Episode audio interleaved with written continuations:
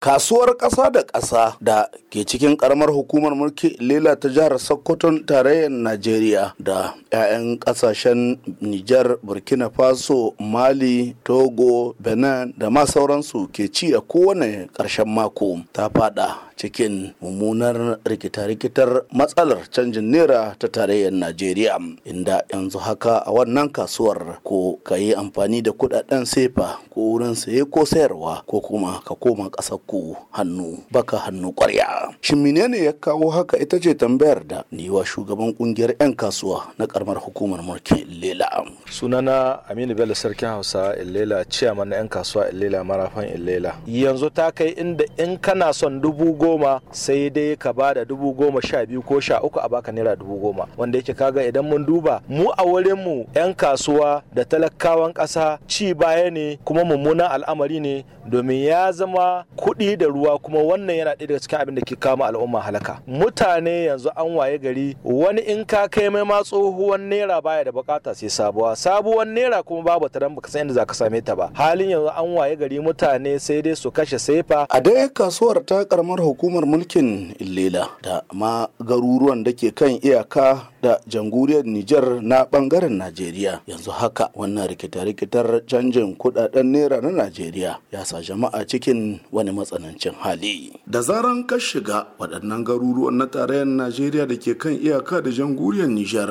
'yan kasuwa kan nuna kyama ga tsofin kuɗaɗen naira na tarayyar Najeriya yayin da sabbin kuɗaɗen ɗauko daga 'yan canji da 'yan kasuwa suka koma yan kuɗi da ruwa da su domin za ka ba da jika ta sefa a baka naira ɗari bakwai yayin da za a iya yi maka transfer na naira dubu da ɗari da saba'in kowace jikar sefa. Wani ɗan kasuwa ke a gada local government ta jihar sokoton tarayyar najeriya ya yi mini bayanin yadda lamarin kasuwancin ke tafiya a lachilas sai da kuɗaɗen sefa. Sunana nura usman kyaɗawa ina sana'ar wake saboda matsalar naira. Wasu daga cikin 'yan canjin ma da ake yi na sefa ka zo da naira ka ga hannu za a canza ma ita akan ɗari takwas. Amma idan ka ilan transfer na za a yi ma za a baka sefa akan naira dubu ɗaya da ɗari ɗaya da naira saba'in. Wurin ma sayan waken wasu za ka zo su ce ma su in ba kuɗi za a ba su ga hannu ba ba za su karɓa ba. Wasu kuma su transfer ɗin ma ba karɓa suke yi ba. Hatta kai ma wasu 'yan kasuwanmu ma sun daina zuwa kasuwa. to me yasa mutane sun yarda yanzu da sefa ɗin bisa naira. saboda ta yi garanti. Saboda ka tabbatar da in ka da sefa ka kuɗin ka suna nan. An ka shigo lokacin da an riga an ruhe misali karɓa kaga asara za ta same ka. Hissa mutane sun yarda da lamarin sefa su canza kuɗin su da sun sai da kayan su canza su koma sefa. Shi ma wani mai sana'ar babura ga da lokal gamman da ke kan iyaka da jamhuriyar Nijar ya ce lamarin na kuɗaɗe a garuruwan su da ke iyaka da jamhuriyar Nijar ya koma aiki ne da kuɗaɗen sefa. Sunana Sa'idu Jika Gada kasuwancin mu ya samu tarnaki. Mu muna kasuwanci na sai da babura. Lokacin da an ka ci ai canjin waɗannan kuɗi yau misalin sati uku kasuwar mu ta tsaya cak. Babu naira. Mun kai kuɗaɗen da suke hannu mu banki gwamnati ta riƙe sai ka je banki yanzu baka samun kuɗi. A Allah sai dai in zaka yi